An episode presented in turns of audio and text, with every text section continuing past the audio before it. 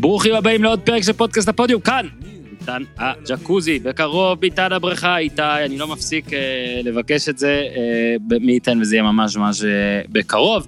אוטוטו, שני נושאים לנו אה, לפרק אה, זה, בראשון, אה, אח שלי, עופר יוסיפוביץ', שהוא גם, הוא שנתון 88, ולכן אני ממש רוצה לשמוע ממנו דווקא, כשלא ראה את אה, שיקגו בולס הגדולה משחקת, מה הוא חושב על ה... שני הפרקים הראשונים של הסדרה, הריקוד האחרון, The Last Dance, אפשר לראות את זה בנטפליקס, סדרה שמתעדת את העונה האחרונה של, אה, את האליפות האחרונה של שיקגו בולס, וזזה קדימה, אה, זזה בעיקר אחורה, סליחה, קדימה קשה לזוז, הקדימה זה הרעיונות של השחקנים, מאוד אדיר.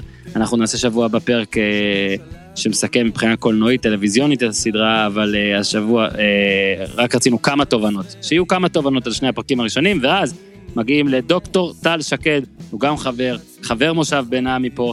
אה, אה, רציתי לדבר איתו על כל השאלות שאני שואל אותו על הקורונה והוא רוצה אה, לענות עליהן אה, בפומבי. סיפור מרגש שהיה לו אה, עכשיו, לפני שבועיים, אה, נסיעה אה, לגיאורגיה לעזור אה, לאנשים שעשו שם, אה, הביאו חזרה את התינוקות שלהם אה, פונדקאות, אתם תשמעו את זה בדבריו, סיפור מאוד מאוד מעניין ומרגש. אוהד מכבי חיפה שרוף, אז נדבר איתו קצת על מכבי חיפה, ו... להורים שביניכם יש גם טיפ שינה. ואחרי uh, ההקדמה הזאת נזכיר לבדוק בפיד, הפרק האחרון שעלה לפני הפרק הזה, uh, הפרק uh, על, עם עורך דין מורן מאיר, יורי אוזן ואני שוחחנו איתו, תקשיבו, פרק מעניין בטירוף. תודה למאירי על כל הסיפורים, רייקוביץ', רייכרד, קורונה, גרוטו, רוטנשטיינר, האם ימשיך ואיך מונה, מרטין ביין וסנדרלנד, ועוד ועוד ועוד ועוד. וזהו, מי שרוצה שילך לפיד ויבדוק את כל הפרקים, תודה רבה לכם, הכל פה בעזרתכם, בזכות ההדסטארט, אתם תרמתם, אתם תמכתם, אתם קניתם, אה, ואנחנו באוויר, מי שרוצה להמשיך לתמוך, לקנות, לרכוש, הדסטארט, co.il ולחפש הפודיום, או ברשתות החברתיות, ועכשיו, אבישי זיו, ואז עופר יוסיפוביץ', ואז דוקטור טל שקד, ועכשיו איתי, תן בראש. כן, extra, extra large, my special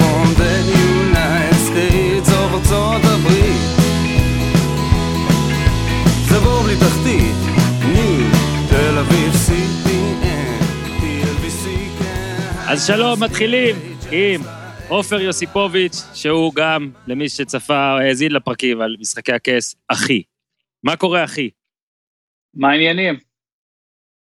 אה, אה, נראה לי, אה, איתי, סלח לי, אנחנו נהרוס פה עכשיו וננסה לשבור ממד חמישי, או איך שקוראים לזה, עופר עולה פה על קו סקייפ, ואני עם הערכה שהבאת לי לצימר שלי, אבל ביני לבין עופר, יש בערך 25 מטר. קצת פחות. מעניין אותי כאילו, פחות אפילו, אתה אומר, 15 מטר. יש מצב שאני שומע אותך גם בלי האוזנייה. אז 15 מטר, מעניין אותי מה עכשיו קורה באוויר, בחלל, בפס הרחב, בזה, כדי שהקול שלך ושלי יגיע לאולפן של איתי ואליכם לאוזניים, אבל כן, זה בלי ספק הפרק, זה בכלל פרק מושב בינמי, כי בהמשך יעלה אה, אה, דוקטור טל שקד שגר במושב גם, אבל רחוק יותר, אז יש, יש סיבה לשיחה.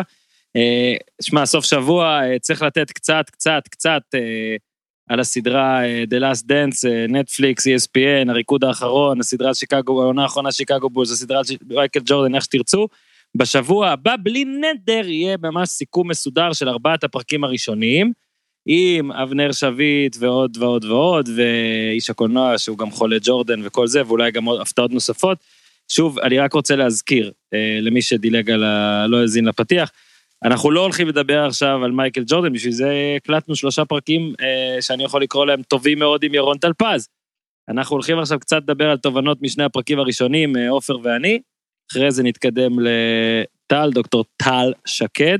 אז אה, עופר, בלו, אה, שני פרקים ראינו.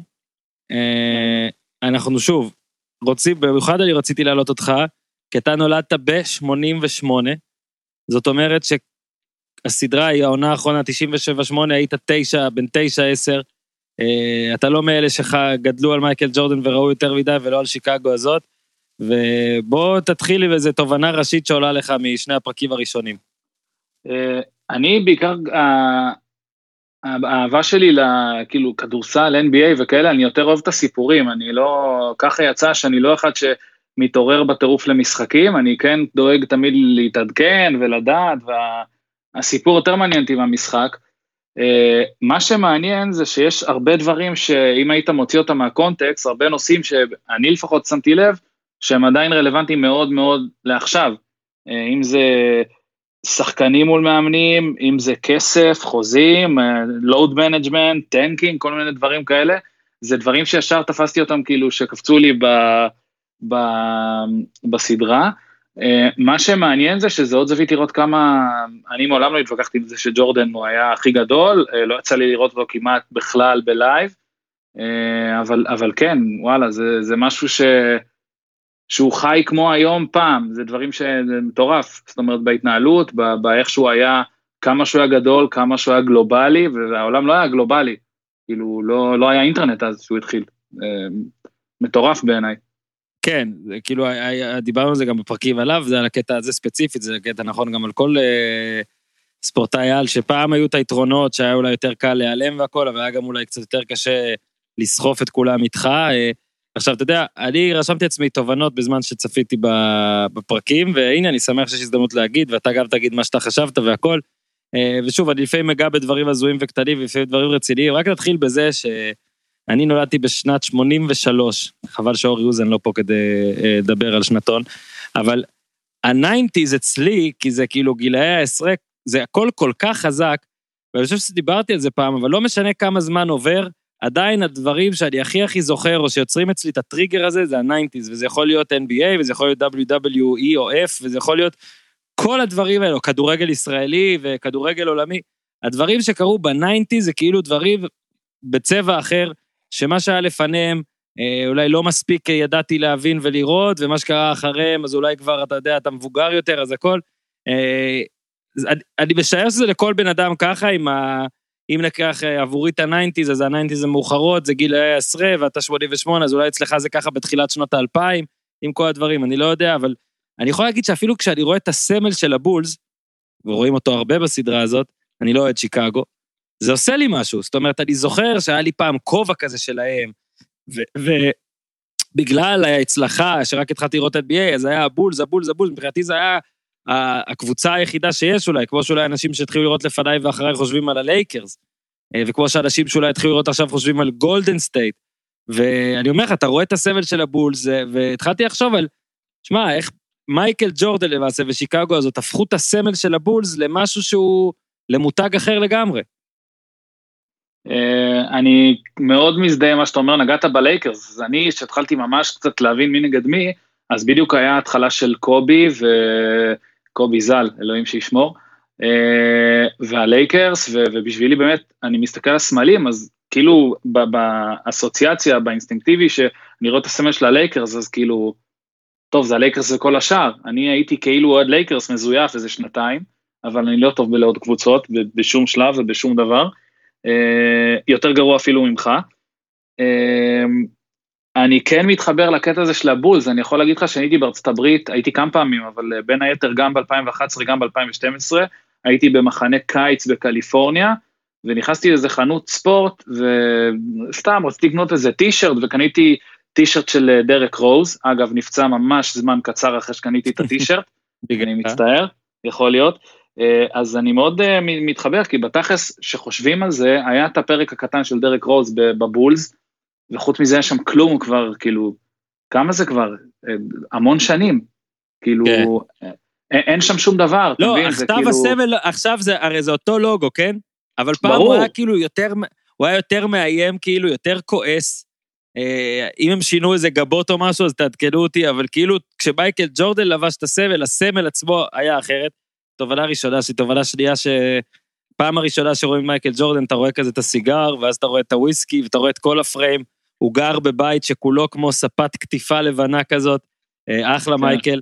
אה, עכשיו, אתה יודע, יש ויכוחים ויש כבר שמועות, עד כמה מייקל ג'ורדן מעורב, זאת אומרת, האם הוא רק סוף סוף אישר להשתמש? האם אה, זה, הרי מן הסתם גם מוצג כמייקל ג'ורדן, הריקוד האחרון נקודותיים, מייקל ג'ורדן, הריקוד האחרון נקודות שיקגו, זה ברור שמייקל ג'ורדן זה משהו קצת אחר, רואים שזו סדרה, אה, שוב, עד כמה, האם הוא רק אישר, האם הוא הפיק, האם יש לו כסף פה, האם אין. כי בכל זאת אתה רואה... קראתי איפשהו שהוא תורם הכנסות, אז נראה לי שיש כסף.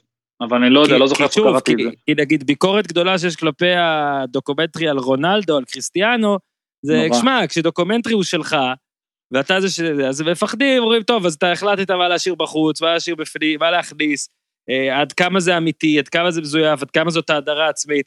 אה, אני יכול תמיד, אני חוזר על זה להגיד שהביוגרפיה שאני כתבתי, ירד זהבי, לא היה לו מושג מה הולך להתפרסם, זאת אומרת, הוא קרא את זה בפעם הראשונה רק כשהספר יצא, ולא שזה איזה שוויץ או משהו, רק זה כן. כן, זה פשוט איזה קטע של בא להראות, הכל שם אמיתי, אם יש רע, יש רע, אם יש טוב, אם יש טוב, אצל... אה, לא, לפי איך שג'ורדן מדבר בה, ולפי שני הפרקים הראשונים, יכול להיות שילדים כאילו פחות טובים, השאלה היא עד כמה נראה. אגב, וזה יהיה יותר מעניין כשנגיע לפרישה שלו ולקונספירציות וכל מה שהיה, אז לפרישה הראשונה אני מדבר.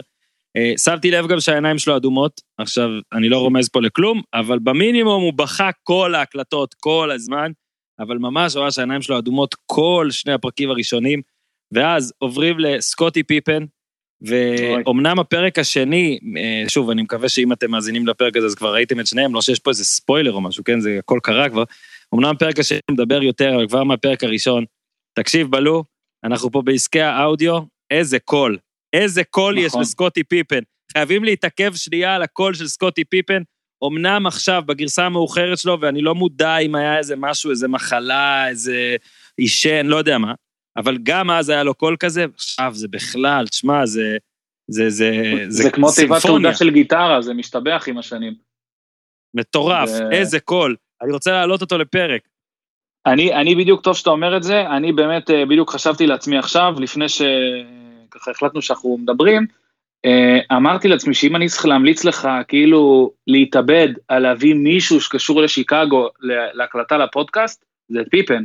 כי ג'ורדן זה גם obvious, וכמה אתה יכול לחדש כבר על ג'ורדן, בוא, גם הם, בעיקר זה obvious, לא כי הוא לא יסכים, זה פשוט obvious. לא, עזוב, ברור שהוא, אגב, הוא לא יסכים כי הוא, אה, לפי מה שכולם מדברים, ואפילו המעט שרואים פה, הוא douche, קצת, סליחה, אה, וגם, גם, הוא ברור שהוא לא יסכים, וגם באמת, כאילו, תשמע, עזוב, כל אחד שאפשר, תביא את האפסנאי זה מדהים, כן, אבל כאילו, פיפן מעניין, ויש שם דברים שכאילו, בלי, בלי בכלל לרשום ולחשוב מיליון דברים שהייתי רוצה לשאול אותו, סבבה? אני לא יודע כמה אתה רוצה להיכנס לזה וכמה לא, אבל לא. פיפן זה חתיכת סיפור מעניין. אה, אמרת על הכל... רגע, הכנת שאלות על פיפן? יש לי בראש, כאילו מעניין אותי לשמוע, דיברו על זה שהוא אה, חתם על החוזה של 18 אה, מיליון לשבע שנים. לשבע שנים. לשבע כן, שנים, ושאפילו הבע... אפילו הבעלים שם, שניהל מולו את המשא ומתן, אמרו, תקשיב, למה אתה חותם? כאילו, מה...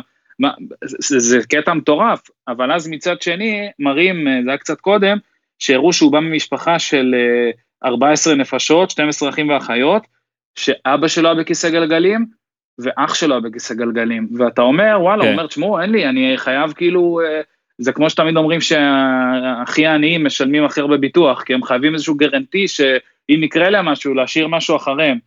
אה, וזה, תשמע, זה, זה חתיכת סיפור מטורף, הם התייחסו לזה בשתי שורות, כן, אבל אה, זה, זה מעניין כן, אז אנחנו מדלגים, בטירוף. אנחנו מדלגים קצת לפיפן, כן, מדלגים קצת כן. לפיפן, זה פיפן זה הפרק השני, אבל בסדר, כבר פתחנו את זה, אז בוא נדבר על זה רגע. הקטע ש... מה שאמרת מאוד נכון, אה, ולפעמים אתה מבקר ספורטאי על חתימה או על הכל, והוא אומר שם, הייתי צריך להמר על עצמי. ברור שאולי עם סוכן טיפה יותר ממולח, או טיפה יותר הבנה, הוא היה יכול לשמור על עצמו כמה דברים, אבל בסופו של דבר גם ב-NBA זה לא, אתה יודע, בפוטבול לפעמים יש חוזים שהם גרנטי, שאתה יודע שגם אם אתה נפצע קיבלת נגיד 8 מיליון דולר, לא משנה מתי אתה נפצע. אה, יכול להיות ששם זה לא היה ככה, גם אתה יודע, ב-NBA זה מאוד מאוד שונה. אה, בוא רק נזכיר שבזמן שהוא חתם על החוזה, זה היה כסף גדול, זה פשוט קפץ כל כן. הזמן. אה, לא כל אחד יכול להמר על עצמו כל הזמן, בטח היום לברון ודורנט וכל אלה, שהם עושים לרוב את הדברים האלה אחרי החוזה הגדול הראשון. ואז יותר קל כבר להמר, לצאת אחרי שנה, דברים כאלה. פיפן זה היה הכסף הגדול הראשון שלו. אה, והוא רצה למשוך את זה, ולעשות כמה שיותר כסף, ובאמת לדאוג למשפחה. אה, מדהים אגב העקשנות, אה, לפחות עד פרק 2 של ג'יי ריינסדוף הבעלים שאמר לו, אני לא פותח לך. לא משנה, אגב, ו, ו, ופה זה מקרה אגב קלאסי, יש המון כדורגלנים ישראלים, כדורסלנים אירופיים וב-NBA ובפוטבול, שכל הזמן, כל אחד חושב שמגיע לו יותר. פה ברור נכון. פיפן underpaid, ברור, כאילו, אין... אה, אני חושב שזה הכי underpaid שיש, כאילו, מה זה, זה מטורף. הכי underpaid שיש, זה, זה היום נראה דמיוני. עשיתי Google uh, קודם, uh, כתבתי סקוטי פיפן net worth, וכתוב שהוא שווה, אני לא זוכר נכון למתי, אוגוסט 19, משהו כזה, אה, שהוא שווה 50 מיליון דולר. אני חושב שקרי מרוויח את זה היום בעונה. אה, זה פרופורציות אה, מטורפות. כן, ואתה יודע, זה, זה כאילו, גם הסיפור הזה, אבל גם, אתה יודע, כשאתה לוקח את מה שהיה אז לעומת מה שיש היום, ברור שיש הבדל, אבל באמת מה שמעניין לראות זה שפיפן היה אז, והוא גם אומר את זה בתחילת פרק 2, אני הבן אדם, אני אחד השחקנים הכי טובים שאי פעם שיחקו את המשחק, ציפית שאיכשהו יהיה לו את הכסף כבר לפני זה, או יגיע לכסף כבר לפני זה.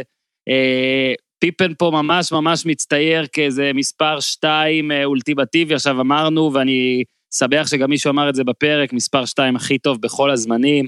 אה, פשוט, אולי זה בגלל הקול שלו, אחריות וכל מה שהוא נתן לזה, ובגלל זה גם אני שמח שהוא זיהה את זה בעצמו, ואנשים מזהים את זה עליו, אני שמח שמייקל אמר בפרק, לדעתי, בתחילת הפרק השני, הוא אומר ש...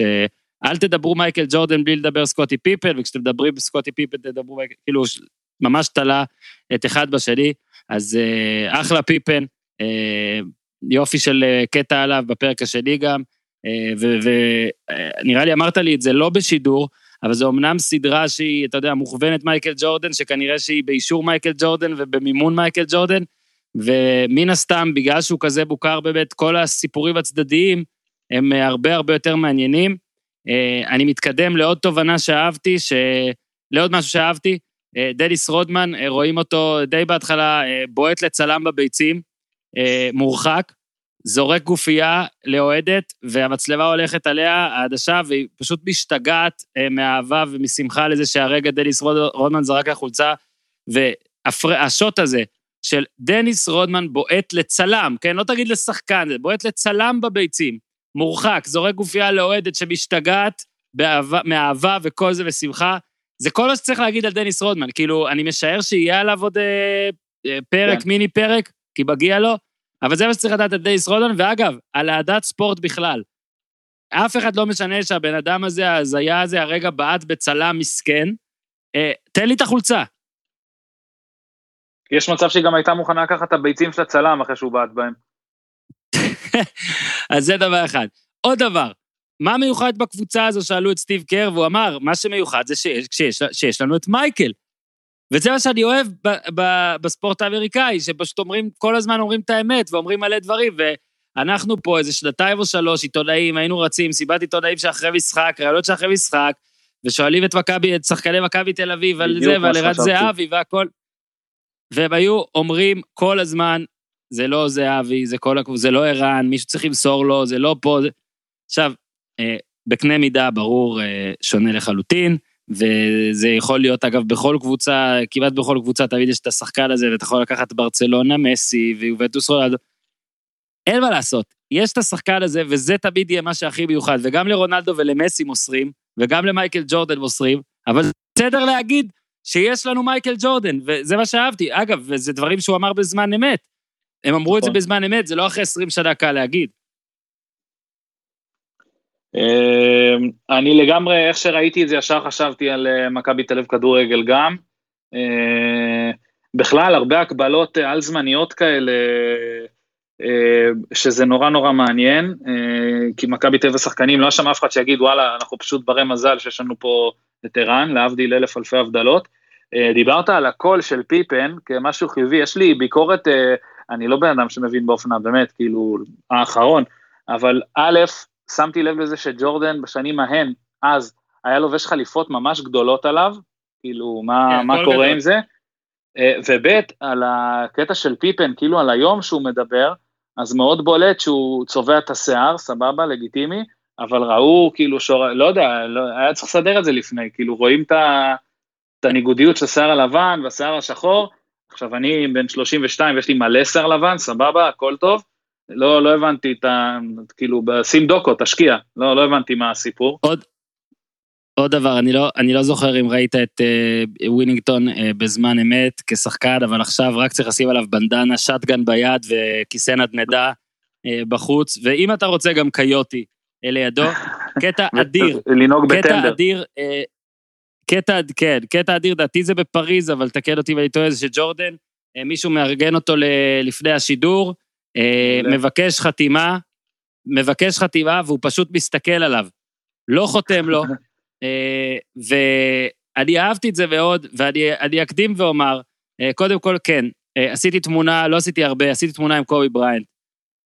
כי אני לא מסקר את קובי בריינט, ועשיתי תמונה עם קובי בריינט, ובוא נגיד שעשיתי תמונה, זה היה בזמן שקצת אחרי שראיינו אותו בברצלונה, ואחרי משחק, שאלתי אותו כמה שאלות, ועשיתי תמונה.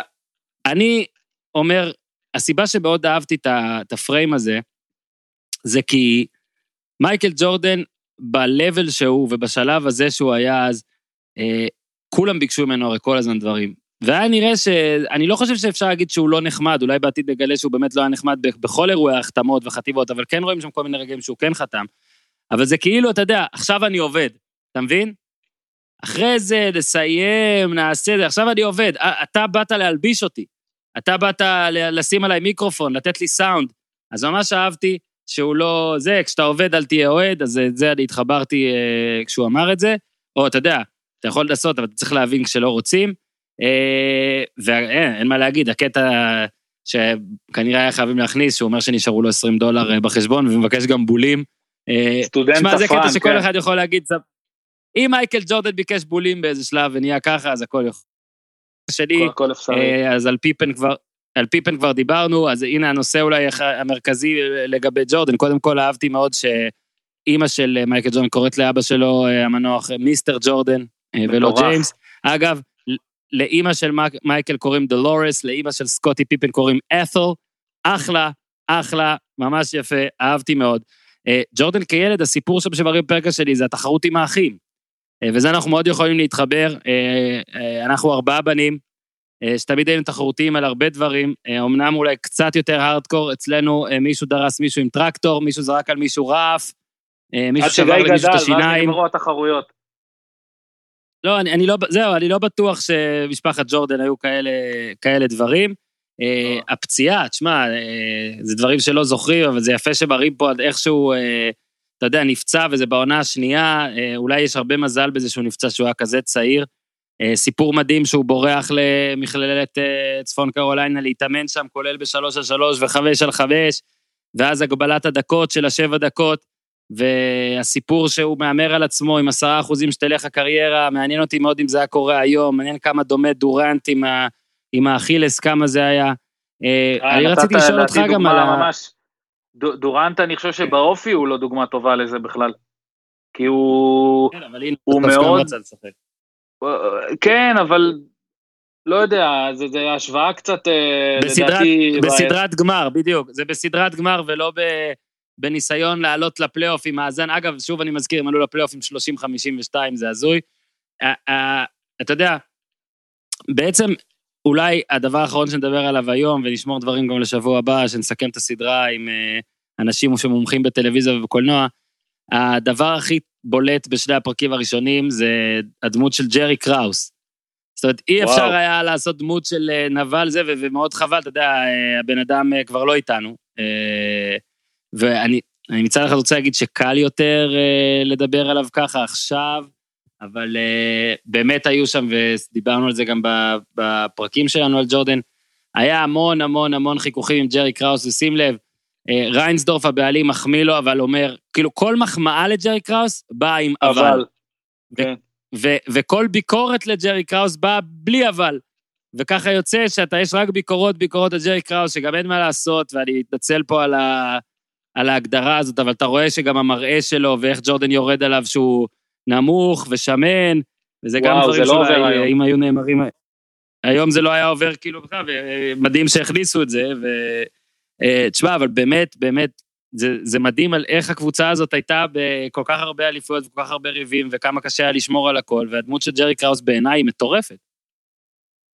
אה, אני מאוד, זה, כל הסיפור עם ג'רי קראוס הוא מטורף, גם מול פיל ג'קסון ומול ג'ורדן ומול פיפן בכלל. אה, מה, ש, מה שאני אהבתי ככה, אה, אולי לסיום, לא יודע, מה שאתה תחליט, זה שבאלף, בקטע על, על, נדמה לי שזה היה בהקשר לנסיעה לפריז, שהיה שם, נדמה לי זה אחד העיתונאים אמר עליו שהוא משחק כל משחק כאילו האחרון שלו, ואין מצב שהוא סתם יבוא למשחק ויקלע איזה 12 נקודות, וכאילו יבוא, יהיה כזה חצי כוח, או יעשה load management, זה הסוגריים שלי.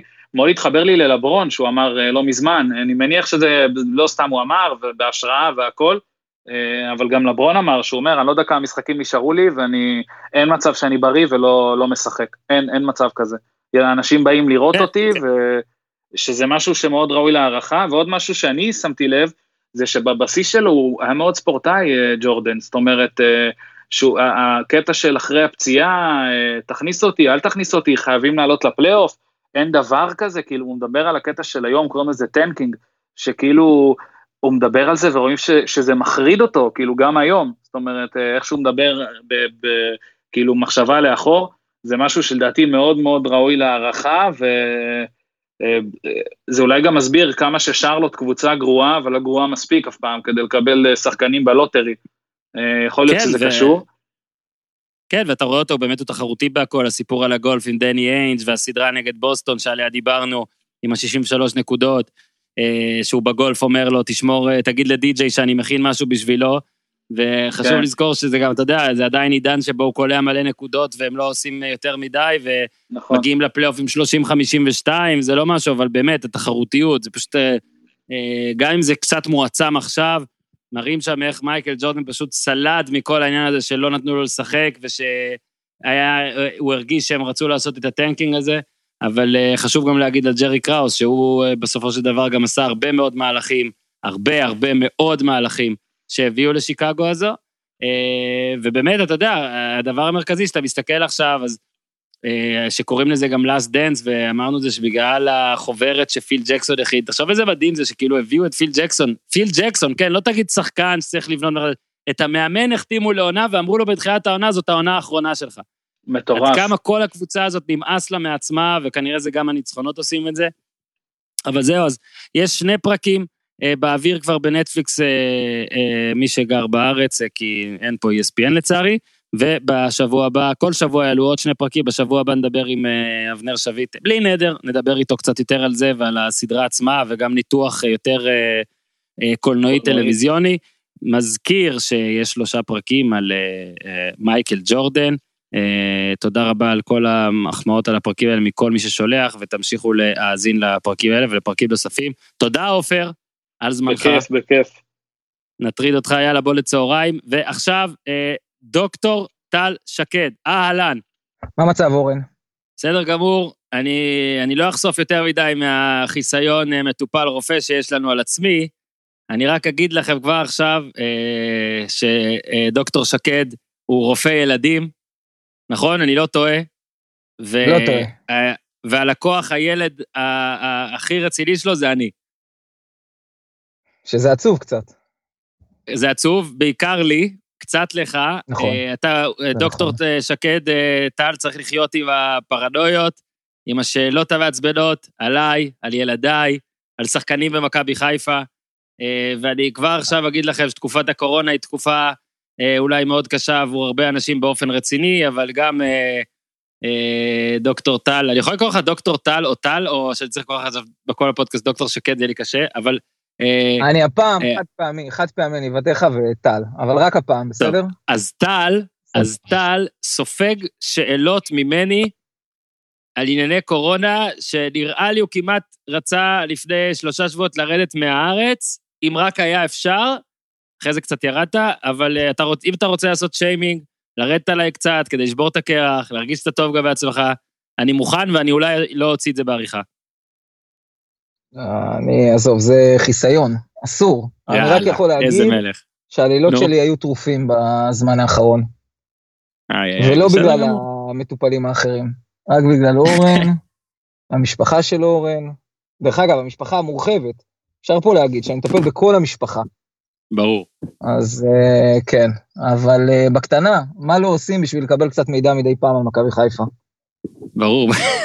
בוא תקשיב, יש לנו ככה על הפרק, ככה. אה, הצטרפת לשליחות מאוד מאוד מרגשת ויפה אה, בגיאורגיה, אה, שעליה תספר לנו עוד מעט, וגם בגלל שסוף סוף העליתי רופא לג'יט, רופא אמיתי, אז כן, יהיו לי כמה שאלות קורונה אולי, אבל הפעם בוא הפוך על הפוך. עבר קצת זמן, אנשים כבר חודש ומשהו בבית, המשחק האחרון שלכם אגב, של מכבי חיפה. תשעה במרץ, משהו כזה. מזמן לא היה. בוא נתחיל קצת עם מכבי חיפה. המשחק לי, לא? זה המשחק האחרון. כן, נגד באר שבע. כן. בלי קהל, סמי זה היה נכון? סמי ובלי קהל. כן. ובאר כן. שבע עלתה. אה, אנחנו מדברים הרבה על מכבי חיפה בינינו, ואמרתי שאני רוצה להעלות אותך לדבר על מכבי חיפה כבר מזמן, רק, רק בגלל מכבי חיפה. אבל הצטרפו אלינו כל מיני עניינים, בכל זאת נתחיל במכבי חיפה. אז קודם כל, אה, בוא תספר לי קצת, חודש וחצי בלי הקבוצה, דווקא בשנה כזאת, שאתה יש להגיד, ואני לא, לא נראה לי שאני טועה, מתחילת העונה הרגשת מאוד מאוד טוב. בוא תספר קצת על א', על הגעגוע, וב', איך אתה חושב שזה ייגמר. שמע, אני אגיד לך את האמת, אה, אמרתי לך את זה בשיחות בינינו, אה, זה מדהים כמה שזה לא ממש מטריד אותי. כאילו, אני קולט את עצמי מדי פעם, נכנס לאתרים, נכנס לכל מיני אתרים, להסתכל מה קורה באופן כללי, אבל נראה לי הירידה המשמעותית בכניסות לאתרים זה לא רק ממני. כאילו, הספורט איכשהו הפך להיות אה, משני בזמן האחרון.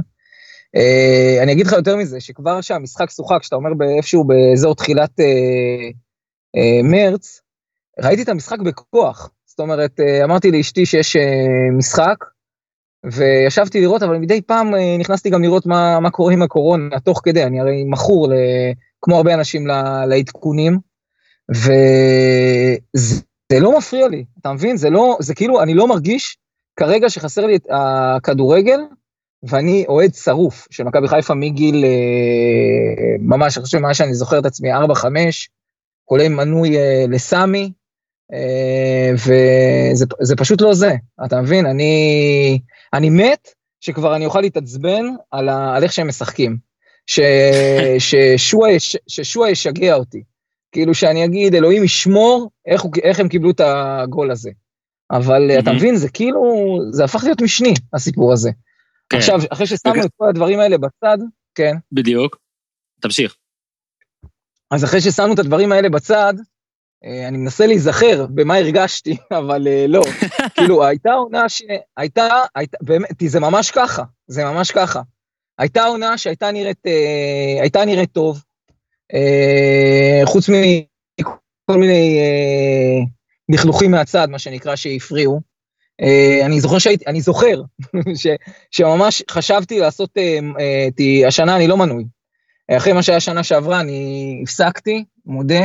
חשבתי לעשות מנוי לפלייאוף העליון, לראות מה קורה, אה, ו- ואז הגיעה הקורונה, אבל עצם העובדה שחשבתי לעשות מנוי, זה אומר שהייתי מבסוט, גם אם לא תהיה אליפות, עושה רושם שמרקו, בדרכו, אה, הביא איזושהי, איזושהי תחושה של יציבות, שכמו גלים בים, כמו אונייה, אז הגל, אה, קוראים לו לצורך העניין שואה, שמדי פעם מטלטל את האונייה. אה, וסך הכל זה היה נראה אבל שהוא מנווט למקום, למקום הנכון. ו... ואז פשוט uh, התרסקנו בשובר גלים, מה שנקרא, הקורונה. אז סך הכל... כן. כן, התרסקתם גם על גביע, וגם שש הפרש עם מכבי זה החסרונות. אני רוצה להגן עליך פה בקרב אוהדי מכבי חיפה, שאולי עכשיו שאמרת שהשנה לא עשית מנוי, אתה יודע, תמיד יש מין איזה... כן, אני אגן עליך ואגיד שהרבה סופאשים אתה לא נמצא באזור הצפון. אה, כן, אבל זה לא יהיה נכון. אני לא עשיתי מנוי בגלל שהתעצבנתי מאוד, נכון? זה, יקראו לי אוהד של הצלחות, אין לי בעיה עם זה. אני, הדבר הראשון שעשיתי, שהגעתי, חזרתי מאילת, הייתי באילת איזה תקופה, עבדתי שם, ואחת הסיבות העיקריות שחזרתי לצפון, ואני לא צוחק, מניתי סיבות לפני שחזרתי, כי מאוד רצו שאני אשאר, ואחת הסיבות, אני חושב שמקום שלישי או רביעי, היה לעשות מנוי למכבי חיפה. וחזרתי, mm-hmm. ועשיתי מנוי, והתבאסתי, ופשוט התבאסתי. זה, זה הייתה באסה, באסה רצינית, כי באתי והשקעתי, וגשם, ולהגיע לסמי עופר, אם אתה לא חונה ב, בתוך המתחם, אה, שזה מה שעשיתי, זה סיוט, ואם אתה חונה בתוך המתחם, זה סיוט לצאת אחרי זה, וספגתי את כל זה, ובאתי ופשוט התבאסתי, ואמרתי בוא, נ, בוא ננסה נראה מה קורה השנה, ואין שום בעיה, אני מוכן לשלם יותר על מנוי רק לפלייאוף, אין לי שום בעיה, אבל, אה, וזה מה שתכננתי לעשות. אה, אבל הקורונה, יצא לך טוב, חסכו אה, לך. כמו שאמרנו, חסכו לי כסף, כן, כן, כן, ללא ספק. תודה רבה באמת. עכשיו באמת לדבר על דברים אקטואליים מדי, על מכבי חיפה, כמו שאמרת אגב, זה קשה, בגלל זה אנחנו גם לא עושים את זה כמעט, אבל באמת שני דברים מבין השורות שלך, גם דברים שאנחנו מדברים עליהם מדי פעם מתווכחים, גם תעיפי מאזין, קורא והכל. Uh, אתה uh, הרבה יותר בעד מרקו מהממוצע, בעד בלבול מהממוצע, ואתה הרבה יותר בעד שואה מהממוצע, אם נכון? Uh, כן. אני לא יודע מה הממוצע, אבל אני בעיקרון בעד שניהם. Uh, בוא נגיד, אם גנץ וביבי הצליחו להסתדר, אז זהו. מה לדעתך מבחינת, מבחינת, אתה יודע, הרי אם, אם, אם העונה תחזור, היא תחזור בלי קהל, ואולי העונה הזאת לא תחזור בכלל, מה העמדה שלך, אה, אפילו לא רוצה לשאול אותך כרופא, אלא קודם כל כאוהד, גם אם יקבלו נגיד החלטה, אה, מכבי תל אביב אלופה, או מה, צריך, מה צריכה להיות ההחלטה? אה, אני חושב, מכבי תל אביב אלופה, בטוח שלא. זה כאילו, אני אוהד מכבי חיפה, אני אגיד לך מכבי תל אביב אלופה, דרך אגב, אבל גם באופן אובייקטיבי, מכבי חיפה הייתה מקום ראשון, זה רחוק מלהיות ספורטיבי הסיפור הזה. אה, מצד שני, אני לא חושב שצריך אה, לסכן אף אחד בשביל אה, כדורגל. אני חושב אישית, אם אני הייתי מחליט להמשיך את העונה בלי קהל. פשוט לעשות את כל המשחקים בלי קהל. קראתי איפשהו שהציעו לעשות את זה באילת. לא יודע אם שמעת על זה, זה נשמע לי רעיון... כן, דיברו על זה. כן, זה נשמע לי רעיון מגניב, וכן. אני אגיד לך מה חסר, ואתה היית באילת, אז אתה אולי צריך לזכור את זה ולדעת, אבל באילת יש מגרש דשא סינתטי בלי תאורה, בלי עמדת טלוויזיה, זאת אומרת, אם יצליחו פתאום, כמו הסינים שבנו בית חולים בעשרה ימים, להקים איזה מגרש עם דשא טוב ו... ותאורה ו... ועמדת שידור, כדי ש... כי מה לעשות, זה שרוצים לסיים את העונה, הרי זה לא רק כדי שתהיה אלופה ספורטיבית, אלא גם כדי להציל חלק מהכסף מזכויות שידור, מהימורים, דברים כאלה. ברור. אז בגלל זה, כאילו, הרעיון מגניב, אני פשוט לא חושב שהוא בר ביצוע. שמע, אני... יש איזשהו מדרש באילת. רגע, דבר אחרון, אתה רופא לשחק כדורגל ביולי, אוגוסט או יוני באילת, אה, לא היית ממליץ. חד משמעית, זה אתה צודק. זה, אין לי איך להתווכח עם זה, אה, אבל יש, יש בחבל אילות, ככלל, אני חושב שיש אה, יש איזה מגרש שאפשר להשתמש בו.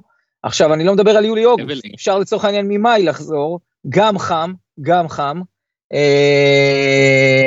אבל אמ, וואלה, לא יודע, אני אגיד לך את האמת, עכשיו שאני חושב על זה, אולי זה לא באילת, אז ב, לא יודע, באיזושהי אחרת. רק בגלל החום, כן. הרעיון כקונספט הוא טוב, אבל בעיר אחרת כן. שסובלת מהקורונה, או לעשות כל פעם ב... להגיע למקום אחר, לא יודע, שלשלב את זה עם הקהילה. אה, אני חושב שזה טוב בשביל האנשים שיושבים בבית, לאיזשהו אסקפיזם מה, מהקורונה.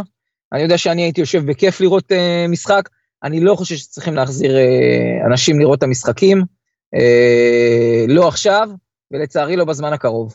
זה, כבר ניגע בזה אחרי זה, מה שאני חושב לגבי הקורונה באופן כללי, אבל זה, לא, אין שום בוא, סיבה בוא, זה מעבר, זה מעבר, זהו, זה מעבר מושלם דווקא, כי אם אני שוב יכול להגיד, אז מה שאני חושב, אתה אולי לפעמים הפחדת אותי בגאונותך, אבל אתה באופן כללי, ושוב, כן, פה אתה לא איזה, אתה, מתפקידך הרפואי אתה לא מתמחה קורונה, אבל אתה בטח שמבין הרבה יותר מרוב האנשים שהם לא רופאים, אין מה לעשות, אה, או מדענים. אתה היית די אופטימי, זאת אומרת, אה, אמרת לי שיהיו, נראה לי, אה, הקלות, דברים כאלה שיתחילו לצאת מזה כבר, בוא נגיד בתאריכים שאף אחד לא אמר. אז ברור שאתה לא טוען שצריך לקיים משחקים של 30 אלף איש אחד עם השני, אבל מה, עכשיו אנחנו שוב, אנחנו, אני גם לא יודע עדיין בדיוק מתי זה יעלה לאוויר, אז אנחנו מקליטים, צריך להגיד, יום רביעי, 22 באפריל, אה, מה המחשבות עכשיו, שלאור המצב הנוכחי, בנקודה שאנחנו נמצאים עכשיו, מה המחשבות שלך? תקשיב, אני לא זוכר מתי אמרתי לך שיצאו, אני יודע שאני לפני חודש אה, הזמנתי כרטיסי טיסה אה, לאמצע יוני. זאת אומרת, הדברים הם היו כל כך דינמיים, ו... אף אחד לא יודע מה יהיה. בדיוק היום דיברתי עם uh, חברה טובה שלי, רופאה פנימאית שעובדת עם, רופא, עם חולי קורונה, ודיברנו ושאלתי אותה מה לפי דעתה יקרה, והיא גם לא יודעת. זאת אומרת, דיברנו על זה שאולי החום של יולי-אוגוסט uh, יוריד את מספר המקרים לרמה ממש ממש נמוכה, ואז נחזור לאיזושהי שגרה, אבל תכלס, אף אחד לא יודע, אמרת שאני לא מומחה בקורונה, הבעיה שאף אחד לא מומחה בקורונה. נכון. מה שאני אגיד ומה שאתה תגיד, ומה שהמאזינים חושבים זה אותו דבר כמו המומחה מספר אחד לקורונה בעולם, כי אין לאף אחד מושג. הדבר היחידי שיודעים בהגדרה זה ברגע שיהיה חיסון מוכח לקורונה, ורק אז, ורק אז, נחזור לשגרת חיים שהכרנו קודם. עד אז נתחיל אה, לראות, מה זה נתחיל? נמשיך לראות אנשים הולכים עם מסכות ביום-יום, זה יהפוך להיות השגרת חיים שלנו. זה יהיה, כאילו, אנשים אה, ייראה מוזר אם מישהו תראה אותו בלי, בלי מסכה בחוץ. אה, עד שלא ימצאו חיסון שיוכח, לא יהיו טיסות כמו שצריך, אה, יוציאו טיסות, כן, אבל זה לא... אני אטוס עכשיו נגיד לסופש עם, אה, עם אשתי ליהנות בחו"ל, אין, לא היה ולא יהיה, לא בזמן הקרוב, עד שלא יהיה, עד שלא יהיה חיסון. ו, וזה מבאס, כי כל החיים שהכרנו, הכל השתנה. אמר מישהו נכון, וירוס קטן, הוריד את האנושות על הברכיים, חד משמעית. הוריד את האנושות על הברכיים. הקטע שאתה יודע, זה, אתה מדבר על, אה, על החיסון, כל ה... לפחות זה אומרים, זה אפילו לא חודשים, זה שנה פלוס, או יותר אפילו, אם בכלל יהיה. לא, יהיה, יהיה חיסון לקורונה, לפחות ממה שאני קורא, ואני קורא הרבה, ואני קורא הרבה על חברות שמפתחות אה, חיסונים. זה לא איזה וירוס שיגידו עכשיו כמו הווירוס של ה-HIV, של האיידס, שזה כאילו, אתה יודע, אנשים אומרים, אוקיי, אז למה לא לעשות חיסון לאיידס? כי אי אפשר. אבל זה לא וירוס שבנוי אה, באותה צורה. וזה וירוס שאף אחד, לפחות ממה שאני שמעתי, לא אמר שהוא איזה וירוס מיוחד. אה, יש לו תת זנים, כמו להרבה דברים, כמו לשפעת. אבל אה, למצוא חיסון שיעבוד זה לא מספיק. אתה צריך גם לעשות אה, בדיקות לאורך זמן, שלא בסופו של דבר ייתנו לאנשים חיסון שיגדלו זנב אחרי זה. אז אה, לוקח זמן עד שיש לך אישור מה-FDA, וגם בארץ, וההערכה שלי הכי אופטימית כרגע מדברת על נובמבר, דצמבר, משהו כזה. הלוואי, הלוואי, ואני אגיד לך יותר מזה, אם עכשיו ייתנו לי שאני, לחתום על זה, הייתי חותם על זה. זאת אומרת, נובמבר, דצמבר, זה משהו שהוא יכול להיות קצת אה, אפילו אופטימי, לצערי. כן, דווקא זה, לחיסון זה אופטימי. אני דווקא, שוב, אה, לא רופא, אבל כן חושב ש... אה, אתה יודע, אני גם מדבר עם אנשים ש... אתה יודע, משק, כלכלה וכל זה, בסופו של דבר יצטרכו למצוא את קו האיזון הזה בין לבין. אני לא מדבר שוב על מופעים ועל כדורגל ועל טיסות לאביזה, אבל אני מאמין שלא יודע, אם לא יהיה משהו מטורף פה בישראל לפחות, אז לאט לאט אתה כבר, אגב, אתה רואה את זה עובדתית, שוב, אנחנו עכשיו 22 באפריל, אם אתה עכשיו יוצא, ל, ל, אנחנו, אנחנו עכשיו במושב פה, אז אם אתה יוצא לנהריה, לחיפה, לתל אביב, אתה מסתכל על העיר לעומת לפני שמונה ימים, זה ייראה לך אחרת לגמרי. ואני מאמין שכל עוד לא תהיה התפרצות הזאת, שבועיים פתאום בכלל, וכמו שאתה אומר שנתרגל ללכת עם מסכות, אז לדעתי גם נתרגל אה, שיש את הדבר הזה פשוט. יש את הנגיף הזה, יש את הווירוס הזה, יהיו את האנשים שלצערנו אה, ימותו ממנו, ושוב, אנחנו פשוט כל הזמן רק ננסה לא, אה, כמה זה סיסמה קלישאתית ומעצבנת, ולא להיות איטליה, לא להיות ספרד, זה מה שכל מדינה תנסה להיות עד שיהיה חיסון. נכון, נכון, אתה צודק. בסופו של דבר זה, זה העניין, שמערכת הבריאות אה, לא תקרוס, אה, זה השלב הראשון. ברגע שיגיעו לפי דעתי לזה ש, שמערכת החיסון, אה, יגיע, אה, מערכת הבריאות, סליחה, שמערכת הבריאות לא תקרוס, ברגע שיגיעו למסקנה שמערכת הבריאות לא תקרוס, ישחררו הרבה יותר. אבל הדברים האלה מאוד דינמיים. רק היום קראתי שלמשל בסינגפור, שדיברו על זה שהצליחו ואין הרבה חולים ועשו את כל האמצעים, ובימים האחרונים הוכפל מ-4,000 ל-9,000 אה, חולים, שזה מאוד הטריד אותי. ו... ובגלל זה אין לדעת, באמת אין לדעת מה, מה יהיה. יכול להיות שעוד חודשיים, שלושה יגידו, וואלה, אין יותר, אה, אין יותר חולי קורונה בארץ. בגלל זה אני אומר, אף אחד לא יודע, אף אחד לא איזה אורקל שאומר, שיודע מה יהיה. וזה מבאס. זה מבאס אותי כן. גם בתור בן אדם, זה מבאס אותי בתור רופא, אה, זה מבאס אותי בתור אבא, זה כאילו בכל, ה, בכל התחומים זה פוגע, זה פוגע חזק. כן. בתור אוהד מכבי חיפה זה, זה מבאס אותי חלקית, נגיד את זה ככה. בוא רגע תספר דבר אחרון לפני שנזוז באמת לסיפור שלשמו נתכנסנו. אה, כרופא שמטפל בילדים והכול, איך זה משפיע על, אתה יודע, הדברים הרגילים, זאת אומרת, אה, מן הסתם כל הורה בטח יותר מפחד לקחת את הילד שלו, עד כמה, אתה יודע, יש לך, לא רוצה לעשות שיימינג שאולי יש פחות עבודה או משהו כזה, אבל עד כמה אה, אתה לא, קולט שבפח... כן. אין פה בכלל אה, זה, זאת אומרת, אה, זה לא איזה משהו שאני, ש, שלא יודעים. יש, אה, יש הרבה מאוד רופאים שיש להם הרבה פחות עבודה, אבל העבודה שמגיעה היא עבודה, אני אגדיר אותה כמלחיצה. כי לבדוק ילדים, מגיע, מגיעים אליי ילדים עם חום ושיעול, יש לנו כרגע, נכון לעכשיו, יש את המיגון שצריך, לא כיף, לא כיף לבדוק אותם. לא כיף לי כרופא שמתמגן ונראה מפחיד, גם לאנשים שהם לא ילדים בני אה, שנתיים-שלוש, אה, אז בטח לילד בן שנתיים-שלוש היה רגיל שאני אעשה לו בועות ואתן לו מדבקות של ספיידרמן, mm. אה, עכשיו רואה אותי בתור איזה מפלצת, אני לא יודע אפילו אם הוא מזהה מי זה שם מתחת לכל המסכות והכפפות והכול.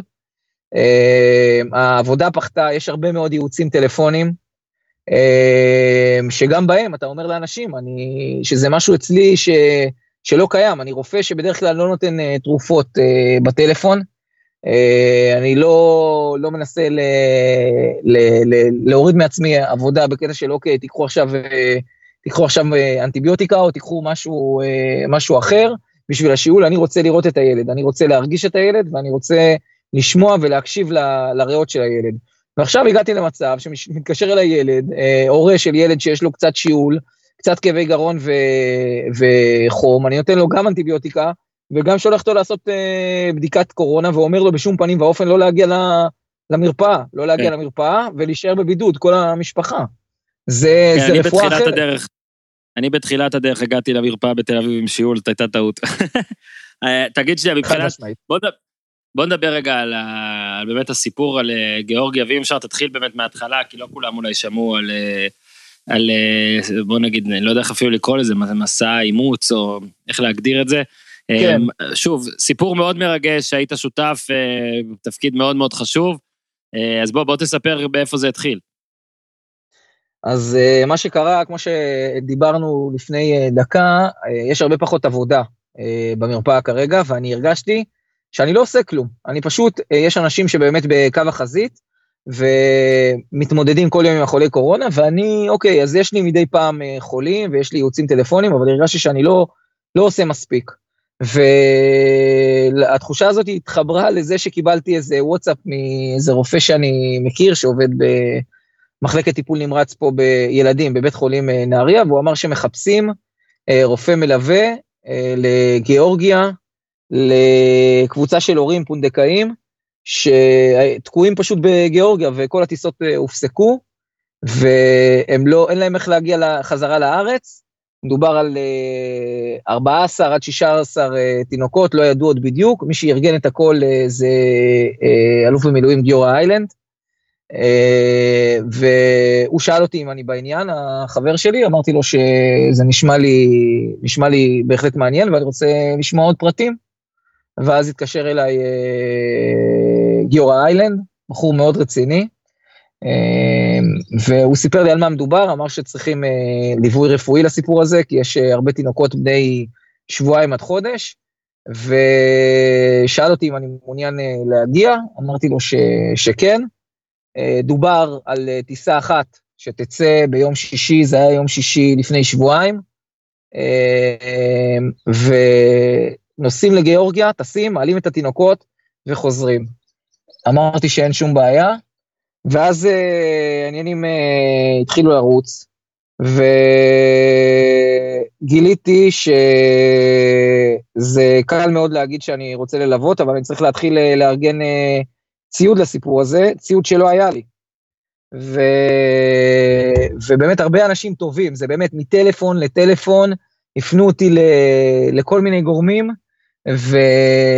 ובסוף, באמת יום לפני הטיסה, זה היה ביום חמישי, אמרו לי שיש ציוד, אני פשוט צריך ללכת לקחת אותו מבני ברק. אה, מבני ברק עוד. כן, כן. כן. אז, אה, אז אה, מבני ברק, ובהתחשב בעוצר שהוטל על בני ברק, וזה שאני צריך להגיע לשדה תעופה בשעות הבוקר המוקדמות, זה היה גם סיפור, אבל מי שנרתם להביא לי את הציוד לשדה התעופה, זה היה, אה, אני לא רוצה להגיד כרגע מי, אבל אה, לא זוכר את השם של החברה, חברת הפונדקאות, הלכו לגורם, אה, לפי דעתי זה היה עזר למרפא, הביאו משם את הציוד לשדה תעופה, ומשם, ומשם לקחתי אותו, זה ציוד מאוד רציני שהיה צריך בשביל הליווי הזה, גם uh, שדות התעופה, היה לנו איזשהו איש קשר בשדות ברשות שדות התעופה, שדאג לזה שהאוטו שלי יחנה ממש בכניסה להמראות, ושלא ישימו לי איזשהו קנס ויגררו לי את האוטו, uh, כי אני הייתי צריך לסחוב את הציוד הכבד הזה, ו... כן, וזהו, ואז מה שקרה... בוא, כן, בוא תספר רק, כן. אה, כאילו, מה, מה, מה הייתה המטרה באמת, לא רק שלך, אלא בכלל כל הסיפור הזה, זאת אומרת, אה, הרי בגלל הקורונה, אה, או כל מיני, כל מיני זוגות של הורים מאמצים שכבר רק אה, כן. בפונדקאות, שהיו אמורים לקחת את הילדים, לא יכלו להמריא, חלק נתקעו שם, תספר איך זה בדיוק היה. אז הייתה איזו כתבה בערוץ 2, אם אני לא טועה, באמת על הורים ש... שעשו פונדקאות בגיאורגיה, ורצו לחזור עם הילדים, והיו תקועים שם, ולא סתם תקועים, אלא בבידוד, ולא היה להם איך לחזור, והיה צריך לתאם טיסה שתצא במיוחד לטיביליסי, תעמיס את הילדים ותחזור. זה תיאומים, באמת, אה, היו הרבה אנשים בפורום אה, של הוואטסאפ, שעשו תיאומים מפה עד הודעה חדשה, ואז בשנייה האחרונה, שכבר היינו בטוחים שהכל סגור, ויש טיסה, ויש מטוס, ויש צוות, ויש אישור מהגיאורגים, אז הם אמרו ש... שהם לא מאשרים יותר משמונה תינוקות במטוס. שזה טרף את הקלפים, כי היו 14, אז מה נעשה פה, נגיד אתה כן עולה, אתה לא, אז אה, הוחלט שמוציאים עוד טיסה, ואז עוד פעם אישורים. ואז אמרו לי, תשמע, הגיאורגים לא מוכנים להחליף אה, רופא, כי הם רוצים כמה שפחות אנשים שינחתו על האדמה שלהם, וזה יעשה לנו עוד בעיה, אז אמרתי, סבבה, אני אטוס עוד פעם. אה, וטסתי באמת יומיים ברצף, אה, שישי אה, ושבת. ו... ואיך זה היה? מדהים. 60 ממריאים זה טיסה קצרה, לא? זה טיסה שלוש שעות, שעתיים וחצי, כמה זה... זה, זה, זה שעתיים וחצי. הדבר המדהים זה שאתה מגיע לשדה תעופה, ואני משתדל לטוס כמה שיותר, אפרופו אסקפיזם, באופן כללי, ואתה מגיע לשדה תעופה, ואתה פשוט לא מאמין. אתה נכנס פנימה, ואני הראיתי לך תמונות, אם אני לא טועה, והכל ריק. הכל ריק, יש טיסה אחת שממריאה, אה, היה גם טיסה אז, באותו זמן גם טיסה אחת שאמורה הייתה לנחות מניו יורק, היו שתיים כאלה, אז כאילו על, ה, על השלט שמראה טיסות נכנסות יוצאות, שתיים מניו יורק ועוד אחת לטיביליסי, והשדה, השדה ריק לחלוטין, זאת אומרת זה אני ועוד הקבוצה של אה, גיאורגים שבמסגרת הטיסה החזירו אותם כאילו לגיאורגיה, אנשים שהיו תיירים פה, עובדים פה, ו, ו, ואתה פשוט הולך, הכל סגור, uh, המכונות, רק המכונות של השתייה עבדו, כל השאר uh, כשל"פים, מה שנקרא, כשר לפסח, ו, ו, וזו הייתה, זו הייתה, זו הייתה חוויה שהיא הייתה, היא הייתה מדהימה, והיא הייתה מצמררת גם, כי אתה אומר, מה קרה, מה קרה לעולם? מה קרה לעולם? ממש ככה. ו... כן, זה באמת, וזהו. זה קטע בסרט.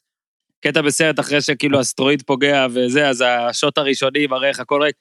תספר רגע, אתה יודע, אתה, אתה מגיע לשם, אתם נוחתים, אתה בכלל יוצא מהמטוס, נכנסים לאיזה טרמינל, מה קורה? ההורים כולם היו שם ואספתם אותם, חלק באו מכאן, יש פה סיפור אה, של כל משפחה שסוף סוף איכשהו קיבלה את אה, מה שהיא כל כך רצתה. אז uh, ההורים כבר היו בשדה תעופה בטיביליסי, אנחנו, אסור היה לנו לצאת מהמטוס, uh, בגלל הקטע של הבידוד ידעו. כמו שאני קורא לזה. כי אם, כן. אה, אם אנחנו יוצאים החוצה, אז אנחנו צריכים אה, להיכנס אה, לבידוד. בדיוק, אז אנחנו נשארנו, אני והביטחון והצוות של הטייסים נשאר בטיסה. היה שם סיפור שהיה להם בעיה לה, להתארגן מבחינת המטוס, זה היה מטוס פרטי עם 30 מושבים, 35 מושבים, והמדרגות, לא היה לנו מדרגות. אה, שיעלו, שירדו הנושאים ויעלו הנושאים החדשים. ולקח איזה 45 דקות עד שהביאו מדרגות נאות שלא ממש התאימו. זה היה מדרגות גדולות כאלה למטוס גדול, אז היה מגרעת כזאת בין המטוס לבין, ה, לבין המטוס, לבין המדרגות, אבל אמרנו, זה הכי טוב שיש, וזה לא מה שיעצור עכשיו את כל הסיפור הזה. ואנשים פשוט אה, אה, הצליחו לעלות עם הילדים בידיים, ושם הדייל עזר להם לרדת בבטחה, ו... וזהו, ואז הגענו, הגענו, ואז סגרנו, המראנו, נחתנו, ולא אה, היו בעיות מיוחדות, היו כמה שאלות של ההורים לגבי הילדים שלהם, אבל תודה לאל לא היו איזה דרמות גדולות, למרות שזה היה הרבה יותר מעניין לתוכנית שלך, אם הייתי מתחיל לספר עכשיו על איזה החייאה מטורפת, אבל לא, אתה יכול תודה לספר. לאל. תספר איך המטוס, תספר איך אחד הילדים, איך אז, אתה יודע, עכשיו הוא הכל בסדר כמובן, אבל לחמש דקות היה שם כן, בלאגן כן. ונאלצתם לנחות במדינת אויב. כן, כן, האיראנים דווקא מאוד מאוד מקבלי פנים, זה מאוד הפתיע אותי הסיפור הזה עם האיראנים.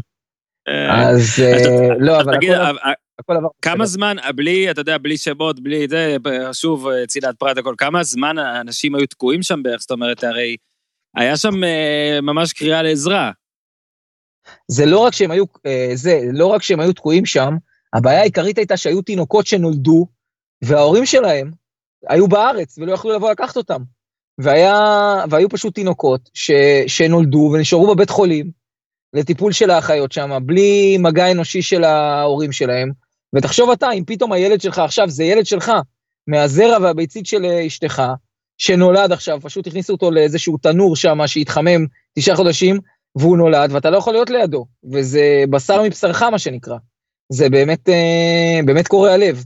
ואת האנשים האלה לקחו לגיאורגיה והחזירו חזרה את האנשים ש, שחיכו שם עם הילדים שלהם שכבר נולדו, אה, ויום למחרת, מה שעשינו זה חזרנו ולקחנו את ההורים שהבאנו יום למחרת, ועוד כמה הורים, והם בינתיים דאגו לכל הניירת ולמסמכים של התינוקות שלהם שנולדו והיו שם, והחזרנו אותם לארץ. זה הסיפור. מטורף. כן, כי בטח גם כבר בטיסה היה, אתה יודע, את ההתרגשות של אה, סוף סוף להרגיש סוג מסוים של הבית, בטח אנשים נחתו ואז ישר אה, הם נכנסו לבידוד דידודי, איך שאתה אומר, דו. בידוד דידו, כן, הם היו חייבים להיכנס לבידוד דידו. בטיסה עצמה אנחנו היינו יחסית מופרדים, אני ישבתי מקדימה, הם ישבו קצת יותר אה, אחורה, לא, לא היה מגע בינינו, למרות שהם היו בבידוד דידו גם בגיאורגיה. זאת אומרת, הם כן. היו כבר שבועיים בבידוד לפני שהם הגיעו, והיו צריכים עוד שבועיים. כיף גדול, בטח עם תינוק ש... שרק נולד. אה, ו... וכן, והגענו לארץ, והכרטיס טיסה, אפרופו, אני מדבר איתך, ובדיוק הכרטיס טיסה שלי אה, מהטיסה הזאת, אחת מהן אה, מופיע פה, וזה קטע, כי כאילו, יש לך כרטיס שכתוב עליו אה, אה, תל אביב-יפו, תל אביב, אה, כאילו זה כרטיס הלוך חזור. אתה מבין? כן. ואין את זה הרבה בכרטיסי טיסה, יש לך כרטיס הלוך חזור לאותו יום. אתה מבין? כן, כן, אה, כמו רכבת. זה, כן, משהו כזה, וזה לאספנים, אולי אני אמכור אותו עוד כמה חודשים, אולי שווה כסף. אולי אנשים, פה, נעלה אותו להדסטארט. עכשיו, אה, לסיום, לסיום, כי בכל זאת הרופא, בכל זאת הרופא ילדים, לי יש ילדים והרבה מאזינים יש להם ילדים, אני רוצה רק אה, עניין, עניין, אמרת שיש לך סוד לגבי אה, שינה סלש הרדמות סלש משהו כזה. רצית להגיד לי אותו כאילו כקטע פרטי, ואז אמרתי לך, שמור את זה לפודקאסט. אז עכשיו, אני מפעיל לך המון לחץ, הורים לילדים, אתה תגיד את הגילאים, אה, הנה, אה, אם אתם מתקשים, אם הילד שלכם לא, לא הכי ישן, או, או קם איתו, מתעורר יותר מדי, אה, דוקטור טל שקד עם אה, המלצה. התקלתי אותך, יפה. טוב, אנחנו צריכים להתחיל, לא, לא, אין שום בעיה, אנחנו צריכים להגיד קודם כל שאתה, אה, הילדים שלך מנהלים אותך, כן, זה, זה, זה קצת בעיה מבחינת השינה. קצת עצוב, תוריד את זה בעריכה מקסימום. וכשהייתי מדבר איתך, היית אומר לי, לא, רגע, אבל עכשיו זה הרדמות, והיה נשמע כאילו יורים עליך. ואמרתי לך, בן, בן אדם, אתה תקשיב למה שסחבק אומר, אתה צריך קצת אה, סבלנות בשביל זה. אשתך נראית אה, בחורה רצינית, אז יכול להיות שזה יתפוס, הקטע הזה. וזה, השיטה הזאת היא שיטת, לא יודע, קוראים לה שיטת חמש דקות, שבע דקות, היא שיטה קשוחה, בגדול, שיטה קשוחה. אה, יש כאלה שנגדה, אה, חייבים להגיד שיש אה, מומחים ש... שהם נגדה, אה, יש כאלה שהם בעדה. אני, יספ... אני רק אקדים ואגיד שהבנות שלי מגיל, לא רוצה להגזים, אבל חודשיים, שלושה, פלוס מינוס, אה, ישנות אה, פחות או יותר, לא נגיד כל הלילה, אבל לא, לא מטריפות אותנו, שזה הגיוני, פשוט אה, בגיל אה, שמונה, עשרה חודשים מתחילות עוד פעם אה, לשגע, אבל אצלנו זה לא קרה, בגלל השיטה הזאתי. אה, השיטה בגדול, מה שהיא אומרת, זה שקודם כל צריכה להיות, צריך להיות לילד סדר יום, זה דבר חשוב באופן כללי, להתפתחות טובה של ילדים. וגם אה, היגיינת שינה. כשהיגיינת שינה, זה אומר שכל הנושא של ה... מהרגע שהחלטנו שעכשיו הולכים לישון, עד הרגע שהילד אה, ישן, הוא צריך להיות מסודר, ולא צריך לסטות מזה. אה, יש כאלה שיגידו ש, שזה לא נכון, והילד צריך להסתגל, לפי דעתי, שטויות. לא להסתגל, לא בגילאים האלה, שיסתגל בגילאים מאוחר, מאוחרים יותר. אה, הוא צריך אה, שיהיה לו היגיינת שינה, סדר יום מסודר, עד שהוא הולך לישון. מה זה אומר? זה אומר שאוקיי, החלטנו שבשבע הולכים לישון, אז בשבע הולכים לישון. מצחצחים שיניים למי שצריך, וילדים קטנים יותר. זה, אני מדבר, כאילו, כל הטכניקה מתחילה בגיל מוקדם יותר, חצי שנה, שמונה חודשים. אה, עושים את כל ה... מכבים את האורות, צריך להיות רגוע בבית, בלי טלוויזיות ברקע, או מסבירים לילד, הם מבינים בגיל, בגיל הזה, מסבירים לו שעכשיו הולכים לישון, נותנים לו את הבקבוק שלו, או את ההנקה, או מה שזה לא יהיה, וסוגרים את האורות, ומשכיבים אותו במיטה. עכשיו, אה, הילד כמובן לא ירצה לשכב במיטה, אלא אם כן ארגלנו אותו לזה מגיל מאוד מאוד צעיר, שאז זה יכול לפתור את זה, והוא יתחיל לבכות. מה שעושים, זה נכנסים לחדר שלו, מסבירים לו לפני זה ששמים אותו, שעכשיו הולכים לישון, ו... ומחר בבוקר נתראה, מה שנקרא. או אם הוא עדיין יונק, אז uh, ברגע שהוא יהיה רעב. ואז הוא מתחיל לבכות, אתה נכנס אליו לחדר, אתה לא מרים אותו, אתה לא מדבר איתו. אתה מסתכל עליו, דקה, שהוא יראה שאתה שם, שלא יפחד שהלכת, ואתה הולך, אוקיי? הוא ימשיך לבכות, הוא יבכה עוד פעם. אתה עוד פעם חוזר, אחרי חמש דקות. זה, בגלל זה שיטת החמש דקות. אתה נותן לו חמש דקות לבכות, זה קורע לב, אני לא אגיד שלא. יש כאלה שיגידו שאני, יקללו אותי על הדבר הזה, ולאימהות זה מאוד קשה, אבל לטווח הארוך זה נכון. Uh, הוא בוכה, אתה עוד פעם חוזר, אתה לא מרים אותו, אתה נותן לו לבכות את החמש דקות, שבע דקות, ו... וככה הלאה. וזה לוקח זמן, זה לא שיטה של אה, זבנג וגמרנו. אבל הילד בסופו של דבר יקלוט שהבכי לא יביא לזה שעכשיו אתה תיקח אותו, תרים אותו, תשחק איתו. וזה יעבוד. ושבוע, ואני רוצה להגיד לך שיש המון הורים, המון הורים שבאו ואמרו לי שהשיטה הזאת פשוט סידרה אותם, שינה להם את החיים. אה, זה שבוע קשה, אבל זה עדיף מזה שכל לילה, כל הלילה, אתה מתעסק עם הילדים, עם הבכי, עם האוכל, הם ישנים איתכם במיטה, שזה גם לא טוב, חד, חד משמעית אסור לשים ילד זה מעלה סיכון למוות בעריסה, אבל עזוב את זה, זה גם הקטע שכל ה... כל התא המשפחתי נפגע כתוצאה כן, מילד אחד, פשוט משק... נכון, נכון. אני כמובן גם נגד לשים את הילדים במיטה של ההורים. זה טעות, זה מה שקורה באופן כללי בחיים. אנחנו תמיד מחפשים את הפתרון הקל והמהיר לכל דבר. עבורנו. ובטח, ובטח כדי שהילד כבר יסתום את הפה וייתן לי לחזור לישון. אז אם זה אומר לשים אותו לידי, אז אין בעיה, אז יהיה לי עכשיו את השעה שינה. אז אין בעיה, זה מה שנקרא לתת, אה, לתת, במקום לתת חכה, אתה נותן דגים. אבל זה לא יעבוד. אתה צריך למצוא פתרון שהילד הזה, זה גם טוב בשבילו, שהוא יישן יותר טוב, זה, זה עוזר להתפתחות, ו, ו, וזה גם יעזור לכם, יעזור ל, ל, לכל התא המשפחתי, לך, לאשתך, ל, ל, ל, ל, לילדים האחרים בבית, אה, שיהיה סדר יום מובנה, ולא הילדים קובעים אותו, וזה דרך אגב אה, באופן כללי נכון. קודם כל, קודם כל לגבי השיימינג על שהילדים מנהלים אותי, זה כבר עורך דין והכול, לא צריך ללכלך את הפודקאסט הזה. אני רוצה לשאול דבר כזה, קודם כל, קודם כל, אתה מדבר פה גם על אה, גילים שהילד, ילדה, הם, הם, לא, הם לא יכולים לצאת מהמיטה. נכון? זה כאילו הגיל הזה שנגיד, כן, לי יש ילדה נכון. עכשיו בת... אני, אסור לטעות בתאריכים בפודקאסט, כי עכשיו אמא שלי התחילה להאזין בגלל הקורונה. אז עשרה חודשים, הבת שלי בת עשרה חודשים. בערך. היא לא יכולה בערך. לצאת מה... היא לא יכולה לצאת, כן. נגיד, מהלול, סלאש מיטה, סלאש זה, אז איתה אתה אומר, אני משכיב אותה, הולך החוצה מהחדר. לא, מסביר לה, לה, מסביר לה את הכל. מסביר לה, את הולכת כן, לישון עכשיו הכל. אם היא בוכה, אם היא בוכה, זאת אומרת, מה שפה בעצם אתה אומר, זה אתה מבטל את כל הרעיון של אה, קצת בידיים, תירדמי לי בידיים ואז אני אניח אותך, או כל הדברים האלה. פשוט להגיד, לילה טוב, כפרה עלייך, נשמה, נתראה בבוקר, או אמא, של, אמא, של, אמא שלך תניק אותך עוד שעה, בטח, אה, מצטער בשבילה, אה, להניח אותה על המיטה ולצאת. בוכה, אני חוזר, מסתק, מסתק, עומד לידה דקה, חמש לא דקות, נוגע בה. חמש דקות, חמש דקות. אה, לא, מהפעם הראשונה זה חמש דקות, כי בהתחלה אמרת, אתה נשאר שם דקה וזה.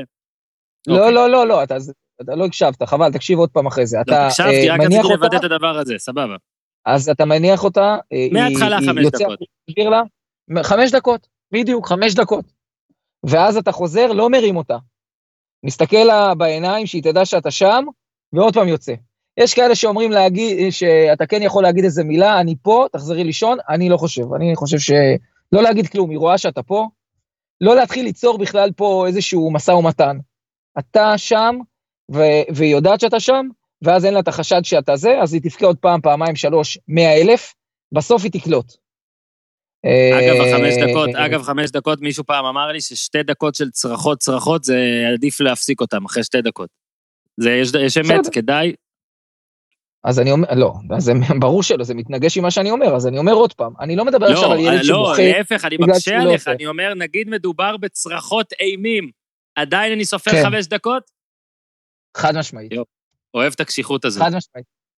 לא, אין פה, תשמע, זה שיטה אה, קשוחה. אני יכול להגיד לך שלנו, שהילדים יצאו מאיפוס, הילדות שלי יצאו מאיפוס, והיינו צריכים לעשות את זה, אה, אני הייתי צריך להחזיק את אשתי.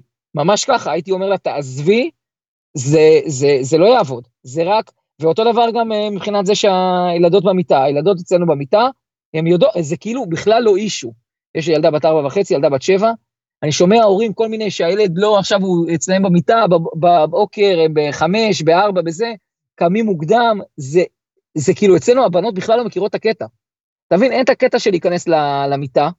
יש, אם הן חס וחלילה חולות, הן יודעות שהן כן איתנו עד שהן נרדמות, ואם חס וחלילה יש משהו, אז כן, לא על זה אני אדבר. ובבוקר, שבע וחצי, שמונה, הן באות כן. אלינו למיטה. אה, לא על זה אני אדבר. אני מדבר על ברמה העקרונית, הן לא מכירות קונספט של לישון איתנו. זה, זה קונספט שלא מוכר להם. הם לא ירצו גם לפי דעתי. אתה מבין? אה, אם אני... כן, תמשיך. כן. לא, לא, אני אומר, אם אני, אם אני, אם אני בחו"ל נגיד ואשתי בארץ, אז הגדולה בת שבע, בתור צ'ופר ישנה איתה. אבל זה כאילו לא משהו ש... שיכול לקרות ביום יום הרגיל, זה מה שאני אומר. סבבה, הבנתי, הבנתי. אה, אני, שמע, אני אנסה, אני אנסה להתחיל, במקרה שלי זה קל, כי אשתי זאת שתצטרך להחזיק אותי, אז אה, אני פשוט אצטרך להחזיק את עצמי. אה, נשמע שאתה גם יכול לטפל בבעיית בלבול שועה באותה דרך, אני גם מאמין שהקשיחות הזאת הייתה נחוצה. אה, אגב, אם יש לכם, אם יש לכם, בואו נעשה את זה ככה, אני מת להציף אותך, אמרת שאין לך מספיק עבודה, מאזינים שהגיעו עד הלום, אם יש לכם ילדים פלוס שאלה לדוקטור טל שקד, תשלחו לי בפייסבוק או, לפודי, או לפייסבוק של הפודיו, אני אעביר אותה, נגרום לו לעבוד קצת. אה, לא בטוח שהוא יענה, כן, הוא לא מחויב, כן, שלא יהיה פה עכשיו איזה זה, אבל אה, אולי נעשה סשן שאלות תשובות איתך בעתיד. כל שאלה תשובה. לכל שאלה תשובה, מת יצחק לבנון. תודה רבה, אה, כן. טל, אה, שהכל יחזור, שתהיה לך יותר עבודה, שתהיה לבלבול יותר עבודה. באמת, סיפור יפה הקטע הזה על גיאורגיה, אז שאפו לך. שוב, הוא אמר את זה ואין הנחתום מעיד על עיסתו, אז אני אעיד, יום אחרי יום לעשות את הדבר הזה, לנסוע, לחזור. אה, שוב, אולי זה לא לכבוש את הבופור, אבל זה בהחלט, בהחלט גם יש שם את הסכנות של ללוות לעניין, ויפה מאוד, גיליתי לדעת שאתה גם אה, מתנדב, אה, איש חרוץ, סלאש, כמה, בטח ניסית לברוח מהבית קצת, אבל בסדר, גם, גם זה בסדר. די, כן, לא מספרים. אשתך לא תאזין לזה, זה בסדר. בכל מקרה, כן. תודה, תודה גדולה, ונתראה, נתראה בהודעה המלחיצה הבאה שלי, אתה תשמע ממני. תזמין אותי, קודם כל היה כיף גדול, תזמין אותי שוב כשמכבי חיפה ישחקו, ונדבר רק על מכבי חיפה. כן, כמו התכנון המקורי, בסדר גמור. יאללה, יאללה, עד כאן, עד כאן לפעם, תעשו טוב.